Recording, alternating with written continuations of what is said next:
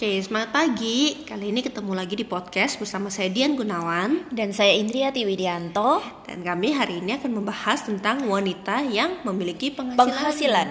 penghasilan pribadi. Nah, eh, wanita itu dari zaman dulunya dianggap kodratnya sebagai Ibu rumah tangga. Jadi kita tahu sendiri ya, Dian di luaran di masyarakat umum itu udah kayak apa ya? kodrat. ya. Mm-mm, jadi kayak udah udah udah ada capnya sendiri wanita itu ya di dapur ya rumah, ngurus rumah ngurus ya. suami ngurus keluarga kayak gitu Zaman dahulu kayaknya memang seperti itu ya. Jadi suami pergi bekerja, pergi hunting kalau zaman yang purba banget.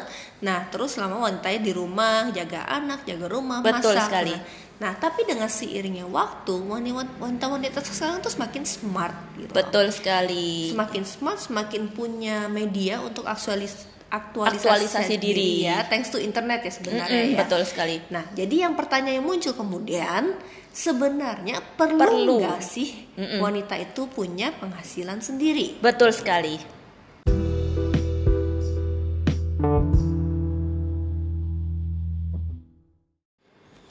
Nah, kalau menurut Indri gimana? Sebenarnya perlu nggak sih wanita itu punya penghasilan sendiri? Oke, eh, kalau boleh cerita dulu ya soal eh, Indri dari zaman dulu bekerja, itu rasanya kayak udah jalanin siklus hidupnya manusia secara umum aja sih ya, karena biasanya kan manusia eh, habis lulus sekolah atau lulus kerja, eh lulus kuliah, lulus kuliah carinya kerja, gitu kan, jadi kayak udah udah kayak Urutan. urutan hidup Iya. siklus hidup manusia gitu ya Dian ya. Terus eh, setelah itu bekerja bekerja akhirnya menikah. Ada satu saat itu aku tidak bekerja karena pada saat itu ikut suami eh, harus pindah ke luar kota sehingga akhirnya nggak bisa bekerja gitu Jadi kan. di rumah aja. Waktu itu sudah punya anak? Belum. Oh belum Nggak, ya? Jadi ya, di rumah waktu- ngapain? Ngurus rumah, masak dan ya layaknya eh, kegiatan ibu rumah tangga biasa Oke. gitu. nah, pada satu titik eh punya anak, punya anak eh bayi, anak pertama, mulai tuh kepikir kok rasanya kayak apa ya, ada satu kebosanan Kehilangan jati diri kayaknya. Ada satu kebosanan satu gitu ya. Yang kedua itu udah mikir eh, soal masa depan anak, planning finance dan lain sebagainya. Jauh ya pikirannya. Tapi memang mama kan seperti itu. Hmm, biasanya ya, biasanya kalau kita udah punya anak itu pola pikirnya kita akan Jauh akan ke oh iya, depan. benar akan jauh ke depan gitu. Nah, pada saat punya anak itu mulai tuh berpikir apa ya kerjaan yang bisa aku kerjakan tanpa aku harus ninggalin anakku pada saat itu. Akhirnya kan aku menemukan satu pekerjaan yang memang eh, bisnis online yang bisa aku kerjakan. Terus kemudian pada saat aku memulai bisnis eh, onlineku itu, itu kayak apa ya? Semangat di dalam diri itu kayak menggelora gitu loh Dian, kayak eh Indri itu jadi kembali hidup. ya istilah kasarnya lah ya. Ya jujur aja, jujur aja dirimu sendiri. Kalau lu bayangin ya, lu sebelumnya udah kerja, abis gitu full di rumah nggak ngapa-ngapain, rasanya gimana? Nggak ada adrenalinnya. Nah. Itu yang aku rasain juga gitu loh, kayak kayak rasanya kita tuh nggak nggak bisa berkembang, bener gak? Iya, ya bukan bukan kita kemudian tidak menyukai jati diri kita sebagai ibu. Betul. enggak. Kita suka spending time sama anak-anak kita. Cuma kalau kita sudah pernah kerja sebelumnya dan kita sebenarnya enjoy dalam kerjaan itu ada sedikit bagaimanapun ada hilang. Yang pasti ada kontak dengan orang-orang yang hilang kalau kita. Sosialisasi. Sosialisasi ya. Meskipun meskipun sekarang dunia internet kita bisa bersosialisasi lewat WA, lewat eh, Instagram dan lain sebagainya. Cuman kalau kalau karena ki- apa ya kita terbiasa ketemu sama orang, Iya. eh, ngumpul-ngumpul apa se- eh, dan lain sebagainya, itu rasanya kayak ada ada kekurangan ya kalau kita Iya, nggak iya, kerja kalau gitu. kerja gitu, iya. Jadi meskipun aku waktu itu bisnis online memang memang jarang keluar rumah juga cuman ada satu waktu kan aku bisa keluar rumah aku ketemu orang aku uh, bisa ngobrol sama orang gitu loh ya, jadi kita juga pengen ya kalau saat kita keluar rumah itu ada orang yang tahu kita yang bukan hanya melulu tentang momi kita bukan dikenal sebagai bundanya siapa tapi kita adalah kita sendiri gitu ya kalau aku bilang kalau uh, seorang ibu bekerja itu uh, salah satu cara untuk kita aktualisasi diri nggak sih Iya, jadi kita Nah. punya jati diri kita sendiri di mana nama kita Oh, yang oh, dikenal oh, kita oh. bukan bundanya siapa, Betul. kita bukan istrinya siapa, tapi nama kita sendiri. Iya, ya, jadi itu. Itu kayak kayak apa ya? Kayak eh, satu yang terpendam gitu ya kalau Iya, bisa. mungkin seperti itu. kayak keluar di permukaan gitu. Iya, karena Itu kalau yang misalnya rasain. cuma ibu-ibu ya mungkin sekarang ibu-ibu pun yang punya komunitas ya sekarang mereka ada yang ikutan lomba, Arisan, apa segala macam. Iya, ikutan lomba anak, terus giveaway apa mungkin endorse produk-produk anak kan juga. Itu salah satu aktualisasi diri mereka Betul. gitu loh. Heeh, gitu sih. Jadi eh, berdasarkan pengalamanku sih rasanya enjoy banget dan ada kayak kebanggaan sendiri nggak sih Eh, kita bisa punya penghasilan sendiri plus kita masih punya waktu buat keluarga. Betul. Itu yang aku yang aku suka gitu loh, yang aku Iya. impikan Iya. gitu. Jadi berdasarkan pengalamanku juga kan eh, boleh cerita dikit ya eh, sosok Indri. Jadi aku ini eh, sebenarnya adalah seorang single mom gitu. Kenapa aku menjadi seorang single mom? Ya nggak ada yang mau menjadi seorang single mom, benar nggak sih? Benar. Tapi kita itu eh, nggak bisa apa ya? Kita nggak mengatur nasib juga. Betul. Jadi eh, cerita aku menjadi seorang single mom adalah karena suamiku tiba-tiba meninggal dunia karena kecelakaan. Nah itu kan satu hal yang kita tuh nggak bisa atur. Ya seperti BCL ya akhir-akhir nih. Betul, yang lagi. Namanya usia kan nggak ada eh. yang tahu. Waktu aku dengar beritanya BCL itu rasanya kayak flashback waktu aku mengalami Iya. kejadian itu. Jadi siapa yang nyangka sih siapa yang mau menjadi seorang single mom di usia yang sangat muda masih Iya. an gitu loh. Waktu itu kan usia aku masih 32 kalau nggak salah Oh, sekarang 30 berapa bu? nggak usah dibahas lah ya. Jadi kayak gitu pada saat itu kayak bener-bener kayak shock gitu loh. Kok tiba-tiba terjadi padaku dan itu memang itu bisa melanda pada siapa pun dan kapan pun. Gitu. Jadi kita kalau urusan takdir urusan eh, Usia, usia itu kita nggak bisa atur Iya. gitu jadi nah bersyukurnya aku pada saat itu ya bukan bersyukur suamiku nggak ada enggak Iya, tapi bersyukur karena pada saat itu terjadi aku sudah punya penghasilan penghasilan yang bisa aku jadikan pegangan gitu loh Waktu itu berapa penghasilannya? penghasilanku sekitar 7 juta lebih lah Oh, hampir ya, 8 lumayan waktu ya, itu ya heeh. delapan, ya. jadi apa ya eh, kayak ini kayak kayak Tuhan itu udah atur gitu loh Hmm. perjalananku bertemu dengan bisnisku pada saat itu sampai aku merintisnya menjadi lumayan gede sehingga aku bisa punya penghasilan segitu yang yang kalau kita kerja kantoran tuh ya kita harus masuk dari jam 8 pagi pulang jam 5 sore jam 4 sore gitu Kalau nggak lembur. Nggak, eh, kalau nggak lembur tapi aku bisa mengerjakan itu di sela-sela kesibukanku sebagai ibu rumah tangga gitu loh. jadi aku benar-benar bersyukur pada saat itu aku punya penghasilan sendiri. Karena eh, sejak saat itu sih sejak saat itu aku eh, selalu bercerita ke semua wanita yang aku temui bahwa kita tuh wanita itu nggak boleh nggak punya penghasilan sendiri. Karena ya itu tadi apa pun itu bisa terjadi pada kita pada siapa pun dan kapan pun gitu loh. Jadi kita nggak bisa atur gitu loh. Bukan hanya soal takdir Tuhan ya tapi ya kita bisa melihat peristiwa-peristiwa yang namanya PHK lah, yang namanya bisnis suami tiba-tiba drop lah, ya kan? Itu satu hal yang nggak bisa kita hentikan, yang nggak bisa kita sangka, bener nggak sih?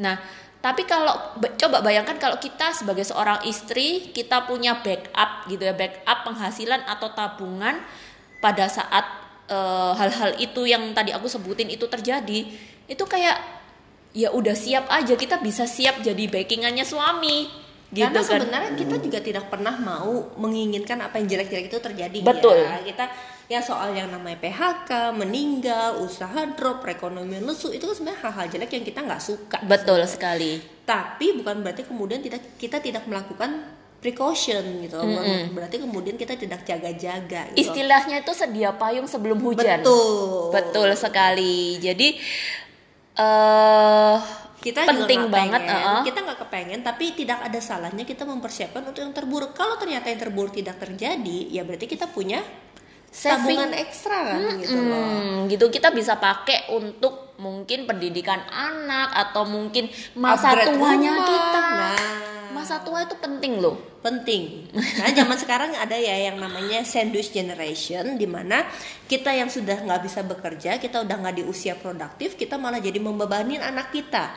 Anak kita jadi sandwich generation yang berarti dia berusaha untuk membangun keluarga sendiri di bawah. Jadi mencukupi nafkah menafkahi keluarga sendiri tapi juga harus menafkahi kita sebagai orang tua di atas sehingga mereka terjepit di tengah-tengah nah kalau kita sayang sama anak kita ya kita juga nggak kepengen ya menaruh anak kita di posisi demikian Betul, gitu loh. betul. kita kepengennya begitu kita sudah pensiun dalam artian kita sudah bukan di usia yang bekerja Produktif, lagi uh-uh. Kita kan kepengennya anak kita tidak usah khawatir tentang kita alih-alih kalau perlu kita masih bisa mensupport kalau mereka bantu karena mereka masih harus membangun keluarga kecil mereka sendiri kan, Betul gitu. sekali. Jadi bisa dibayangin ya kalau kita menghabiskan masa tua itu dengan maksudnya kita Iya. masih punya duit sendiri, Iya. masih punya pemasukan sendiri, kita masih bisa happy-happy menikmati hidup Iya. tanpa harus nyusahin anak. Karena begini, faktanya ya, kita sudah belajar dari orang tua kita sendiri Mhm. juga.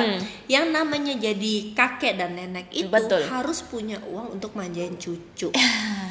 Betul sekali. Itu kalau panjang ya itu ceritanya kalau Oh, soal kakek panjang. nenek ke cucu itu panjang. Mungkin lain kali kita bisa bahas jadi satu podcast sendiri ya Dian ya. ya kayak gitu ya. Jadi fakta-fakta seperti itu itu yang eh, perlu teman-teman wanita ini eh, tahu Hmm. gitu loh. Eh, supaya teman-teman yang di luaran sana itu terbuka pikirannya bahwa kita sebagai seorang wanita itu eh, bisa kok tetap produktif, bisa kok tetap aktif dan eh, apa ya mengembangkan Berkembang, dirinya. iya. Jadi begini, kalau dalam posisi aku kan, aku kan suami masih ada ya. Betul. Suami masih ada, suami masih bekerja. Penghasilannya, puji Tuhan sekarang lagi naik karena suami usaha juga berkembang. Betul, amin. Nah, tapi suami yang semakin sibuk, dia mal bukan menyuruh aku berhenti dari Oriflame, dia malah semakin melarang aku berhenti dari Oriflame. Why? Karena dia ngerasa di Oriflame aku nggak cuma dapat duit, tapi aku juga berkembang. Aku ketemu orang-orang yang pikirannya itu pola itu positif, nggak terlalu banyak ngikutin gosip, nggak terlalu negatif dan skeptis soal hidup. Kepo-kepo hidupnya Kepo-kepo, orang. Iya, iya. tapi aku jadinya berkembang gitu loh. Aku tahu soal podcast, aku tahu soal webinar, aku tahu bagaimana cara ngelit orang sehal-hal yang kalau misalnya aku tidak ikutin Oriflame itu aku nggak mungkin tahu. Iya benar-benar. Aku juga termasuk orang yang bisa berkembang lewat bisnis Oriflame. Iya. Yang paling kelihatan nih ya, aku itu dulu sangat tidak bisa atau sangat tidak tahu soal desain. betul. Dulu Desain. Indri itu ya kalau dia ngedesain itu cercaan dan makian dari aku tuh banyak. In ini fontnya kurang. In ini warnanya jelek. In ini kok warnanya crash. Jadi banyak sekali masukan dari Dian juga pada saat itu sehingga aku eh, bisa membentuk aku yang sekarang itu eh, ya lumayan lah dikit-dikit tahu soal eh, desain. Sekarang kenal yang namanya Canva dan Iya. lain sebagainya gitu kan. Kalau Indri yang dulu ya nggak mungkin kenal dengan yang hal-hal seperti itu. Terus kemudian Indri mulai kayak menemukan gitu loh eh, passion Iya. setelah berbisnis Oriflame. Passionnya Indri apa? Indri ternyata itu suka eh, ngobrol sama orang, terus kemudian suka ngajarin orang, Suka bikin video. ah suka suka eh, apa ya istilahnya apa ya kayak eh, menampakkan diri. Menampakkan diri. Kayak apa ya istilahnya ya? Ya begitulah pokoknya eh, kayak kayak wujud aktualisasi diriku Iya, juga gitu loh. eksistensi kan eksistensi suka eh, foto suka bikin video dan lain sebagainya. Iya. sampai sekarang punya YouTube channel sendiri. Jangan lupa ya di subscribe tetap ya. Oke ya Jadi, jadi gini, eh, sebenarnya kalau orang ikut Oriflame ya, tanyain deh leader-leader yang udah lama, yang udah naik level, yang berhasil ya. Eh, seberapa kita belajar dari Oriflame itu bisa dilihat dari konten HP kita. Ah betul. Waktu kita pertama kali join Oriflame, HP kita mungkin isinya cuma YouTube, eh, mungkin ada gamenya anak-anak, mungkin cuma foto game diri sendiri. Iya, game diri sendiri mungkin kan ada ada Shopee. Ya, Shopee kan masih sampai sekarang masih ada, maaf oh ya. iya.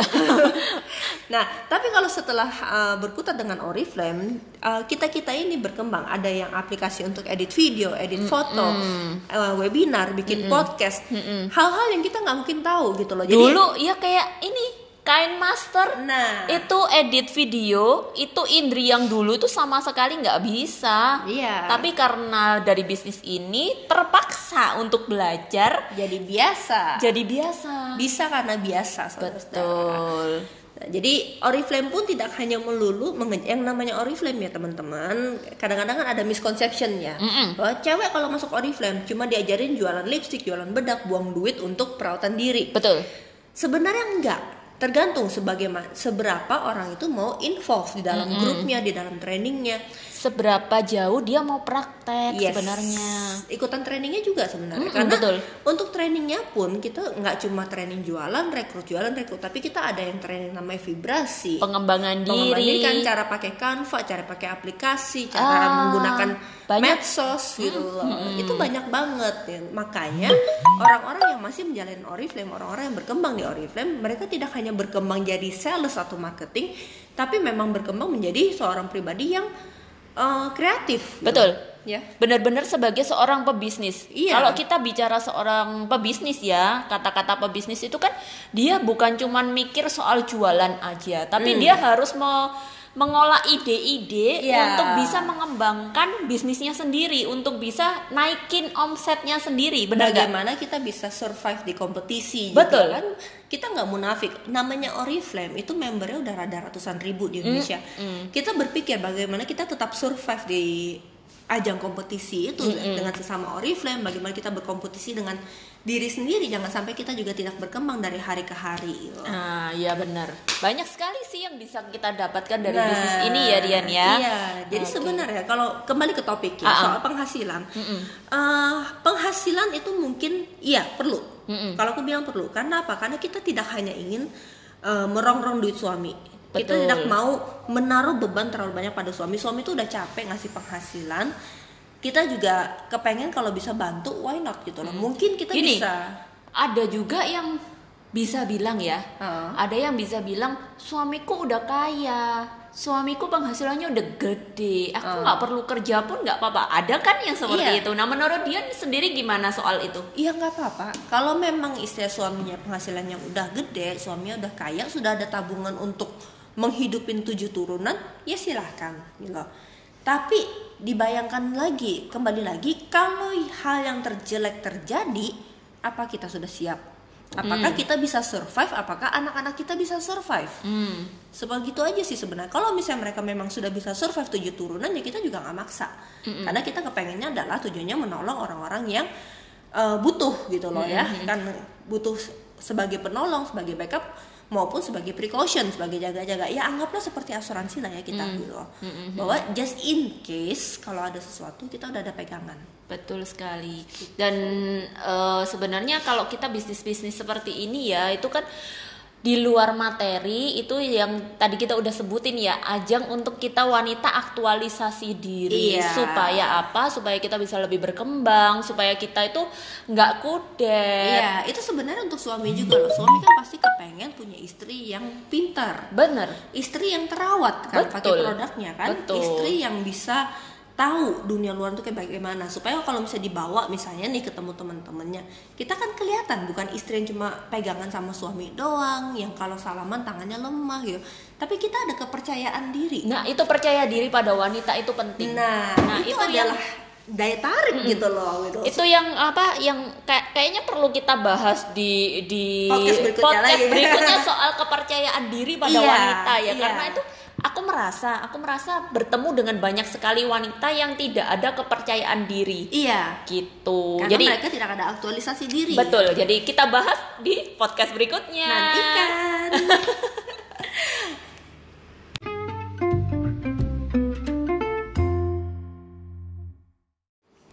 Nah tapi hal yang terakhir ya ini bahasan kita ya. Mm-mm. ada beberapa wanita yang tidak mengizinkan dirinya sendiri atau tidak diizinkan suami karena alasannya takutnya nanti tidak menghargai suami. Nah, itu itu yang paling sering aku dengar kayaknya. Apalagi terutama ya, terutama di negara kita Indonesia. iya. Masih kayak kayak sesuatu yang haram nggak sih untuk bilang oh cewek itu harus punya penghasilan, cewek itu bekerja atau dan lain sebagainya gitu ya. Iya, ada beberapa mungkin pribadi yang mengatakan, oh nanti kalau istriku punya penghasilan, dia nginjek-nginjek suami. Oh nanti kalau istriku punya penghasilan, dia menganggap tidak butuh suami. Ada yang seperti itu. Nah, kalau menurut Indri kayak gimana? Kalau menurut aku, istri bekerja, istri punya penghasilan, itu bukan berarti dia menjadi kepala rumah tangga atau dia menjadi kayak pemimpin di dalam keluarga, bukan berarti seperti itu gitu loh. Tapi istri bekerja, istri punya penghasilan sendiri, itu seperti yang tadi aku bilang, kita bisa jadi backup buat suami. Gitu, kita bisa bantu suami pada saat sesuatu itu terjadi gitu. Jadi kepala rumah tangga ya tetap suami dong Iya. gitu jadi kita yang punya penghasilan sendiri tetap harus menempatkan dirinya kita sebagai seorang wanita sebagai seorang istri yang harus tunduk pada suami memang Memang karena memang kodrat kita adalah kita istri, kita tunduk pada suami gitu loh. Kita adalah pelindung, penolong, tapi bukan kemudian nginjak suami kan. betul Nah, sekali hal-hal seperti ini pun sebenarnya pernah loh bahkan diungkit, dibahas di komunitas Oriflame juga kan gitu. Bahwa upline kita selalu mengingatkan ingat ya bahwa kita istri tetap kodrat kita adalah patuh pada suami. gitu.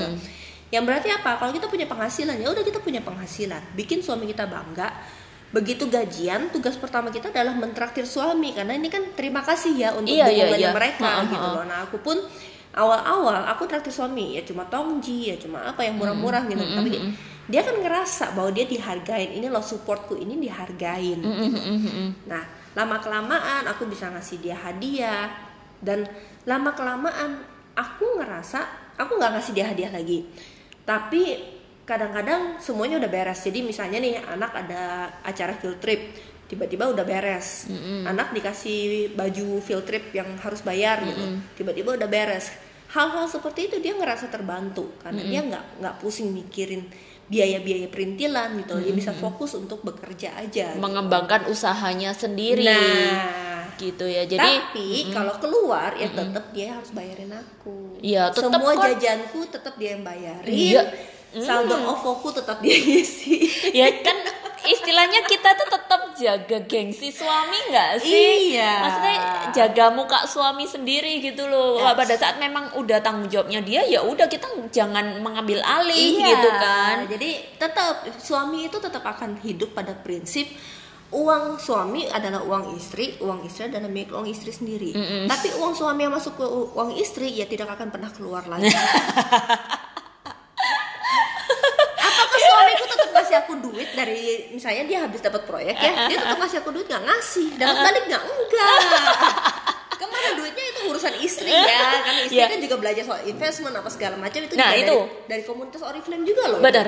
Jadi eh, tugasnya istri yang punya penghasilan sendiri, yang punya bisnis sendiri itu bukan sekedar kita foya-foya menghabiskan penghasilannya kita, tapi gimana caranya kita mengolah penghasilan yang sudah kita dapat ini menjadi eh, tabungan lah Iya. atau menjadi investasi lah Iya. yang bisa berguna untuk eh, keluarganya kita juga gitu kan. Nah, sekali lagi aku menekankan itu juga pentingnya kenapa harus punya komunitas yang pintar gitu Nah, loh. bener. Karena zaman sekarang namanya penipu itu makin mahir. Bener. Semua investasi yang bodong, semua eh, yang menawarkan hasil cepat dengan duit awal yang ringan itu pasti ketipu kan itu gitu. itu sering sering banget terjadi apalagi di Indonesia ya karena Iya. masih banyak sekali pengguna-pengguna sosmed yang eh, Tidak terliterasi. mudah mudah ter termakan Tertip- iya. termakan eh, kata-kata yang ada di sosmed dan lain sebagainya Kata-kata gitu mudah, cepat, ah, betul. instan, Nah, gitu. itu mungkin juga nanti akan kita bahas di podcast berikutnya soal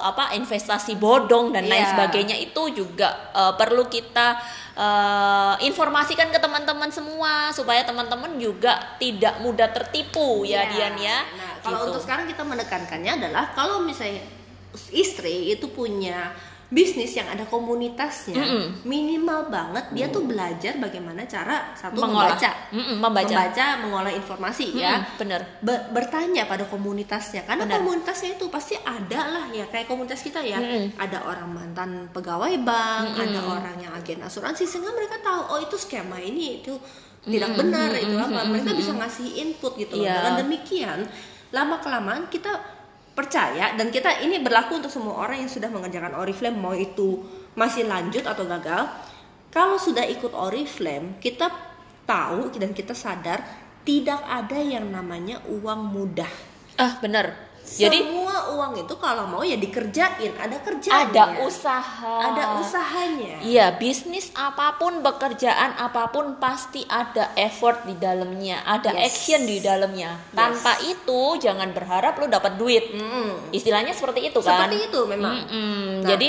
kalau sudah sadar tentang satu hal Ha-ha. itu semestinya sih pasti tidak akan termakan kata-kata yang investasi murah Iya. hasil cepat Hasil cepat, hasil besar Nah. kayak gitu. Investasi eh, sedikit tapi hasilnya gede gitu kan. Banyak banget yang beredar di pasaran seperti itu. Nah, kembali ke soal suami dan alpha alphaness dalam keluarga. Kita sebagai istri, kita uh, diajarkan untuk punya bisnis Oriflame. Itu ujung-ujungnya adalah untuk sebagai Betul. Jadi eh, kita itu kayak apa ya diajarkan untuk bisa jadi penolong di saat eh, keluarga membutuhkan, di saat suami membutuhkan gitu ya Dian ya. Eh, eh, jadi eh, beruntung banget kita berada di satu komunitas yang tepat kalau aku bilang tepat banget karena nggak cuman menawarkan penghasilan di dalamnya nggak menawarkan eh, jenjang karir di dalamnya Iya. tapi juga eh, apa ya informasi-informasi penting yang bisa membuat diri kita ini berkembang dengan lebih positif secara dan mentalnya. ya. secara mental gitu jadi berhati-hati juga apa kayak tambah ilmu pengetahuan juga di bidang investasi dan lain sebagainya gitu kan. Jadi jadilah seorang wanita seorang istri yang punya penghasilan tapi pinter juga mengolah penghasilan yang sudah kita dapat tersebut. Nah, jadi kalau kita mau conclude ya, perlu nggak sih wanita perlu punya penghasilan, punya bisnis sendiri? Kalau menurut kita berdua, perlu. perlu banget. Tapi harus bisa cermat melihat satu bagaimana bisnisnya, bagaimana cara ngerjainnya, sistem sistemnya bagaimana, transparansi penghasilannya seperti apa. Iya, Karena kita betul. juga nggak mau ya punya bisnis yang ternyata ujung-ujungnya kita nipu orang lain. ah benar Kita menjolimi orang lain, kita membawa kesengsaraan ke orang lain, terus dapat duit dari situ gitu juga Ah. nggak mau gitu ya. Iya. Nah, terus kita juga harus melihat komunitasnya seperti apa. Betul Kalau sekali. tidak ada komunitasnya atau komunitasnya hanya berbagi hal-hal yang tidak menguntungkan, tidak membuat kita growing, oh, oh. sebaiknya sih jangan. ya saran kita sih jangan Karena yang namanya bisnis, penghasilan, komunitas dan kepribadian itu semuanya berkaitan. Ah, jadi benar-benar eh, kalau memang teman-teman saat ini belum punya bisnis sendiri, belum punya penghasilan sendiri sebagai seorang ibu rumah tangga dan teman-teman pengen nih berkembang atau eh, mengaktualisasi dirinya teman-teman menjadi lebih baik, lebih positif, cari deh sebuah bisnis atau komunitas yang bisa mendukung impiannya teman-teman tersebut. Jadi cari sebuah bisnis yang memang ada paket komplitnya tersebut Iya. selain dapat duit juga dapat pengembangan diri gitu. Jangan sungkan buat nge-google ya. Google sekarang zaman sekarang Google semua informasi Betul. ada di situ. Uh-uh. Atau tanya sama orang yang misalnya kayak kita nih ya, kita kan proses MLM ya, kan kita ngerekrut. Tanya deh sama orang yang ngajak atau tanya sama orang yang sudah ngejalanin secara rinci gitu. Jangan malu, jangan sungkan. Tanya aja semua. Kalau mereka bisa menjawab dan jawabannya memuaskan dan ada buktinya, why not gitu. Dan eh, saranku juga kalau bertanya itu carilah sosok orang yang memang benar-benar ngerjain bisnis itu. Benar-benar memang hatinya tuh di sana gitu Iya, loh. Terus kelihatan kemudian kok. ada hasilnya. Iya. Jadi kalau kita mau belajar itu carilah orang yang sudah sukses di bidang itu. Betul. Jangan cari orang yang gagal. Iya. Kenapa? Karena kalau kita cari yang gagal, kita dengarnya itu ya negatif-negatif mulu betul. gitu loh, tanpa kita tahu bener-bener dia ini beneran nggak bisa Atau dia nggak ngerjain. Nah, itu karena eh, sebenarnya banyak banget yang sudah berhasil di bisnis-bisnis seperti ini. Iya, gitu. soalnya gini loh, sebagus apa pun bisnisnya, kalau pribadinya nggak mau ngerjain, ya hasilnya tidak akan ada. Benar. Jadi kalau kita memang mau belajar, mau bertanya, carilah yang sudah berhasil di bisnis tersebut. Hmm. Bisa Gitu. kelihatan kok yang mana orang yang masih ngerjain, yang passionnya ada di situ, kelihatan aura Hmm. positifnya tuh nampak gitu loh. Bukan aura sales ya, tapi aura positif yang di mana kita ngelihat, oh oke orang ini memang fokus dengan satu bisnis ini dan orang ini kelihatannya enjoy ngerjain bisnis ini. Tanya sampai habis sampai semua keraguannya terjawab. Benar sekali gitu. Oke, jadi sharing kita siang hari Selesai. ini selesai sampai di sini teman-teman. Semoga eh, sharing kita siang hari ini tentang wanita yang punya penghasilan secara mandiri itu Bisa bisa jadi- memberikan pencerahan Yes. buat teman-teman sekalian dan semoga eh, teman-teman wanita di luaran sana bisa punya lebih apa ya keberanian untuk Melangkah, eh, ya. melangkah dan Makanya. Eh, mengaktualisasi diri tadi. Itu penting banget. Karena supaya percayalah guys, zaman sekarang itu udah zamannya wanita yang smart, Mm-mm, wanita yang mandiri tapi tetap sayang sama suaminya. betul tetap ada untuk keluarga itu Yes. bukan hal yang mustahil di zaman yang serba canggih saat ini Sama sekali bukan hal yang mustahil. Iya, oke, thank you buat teman-teman yang udah dengerin podcastnya kita siang hari ini. Sampai ketemu Sampai ketemu di episode berikutnya. Bye bye.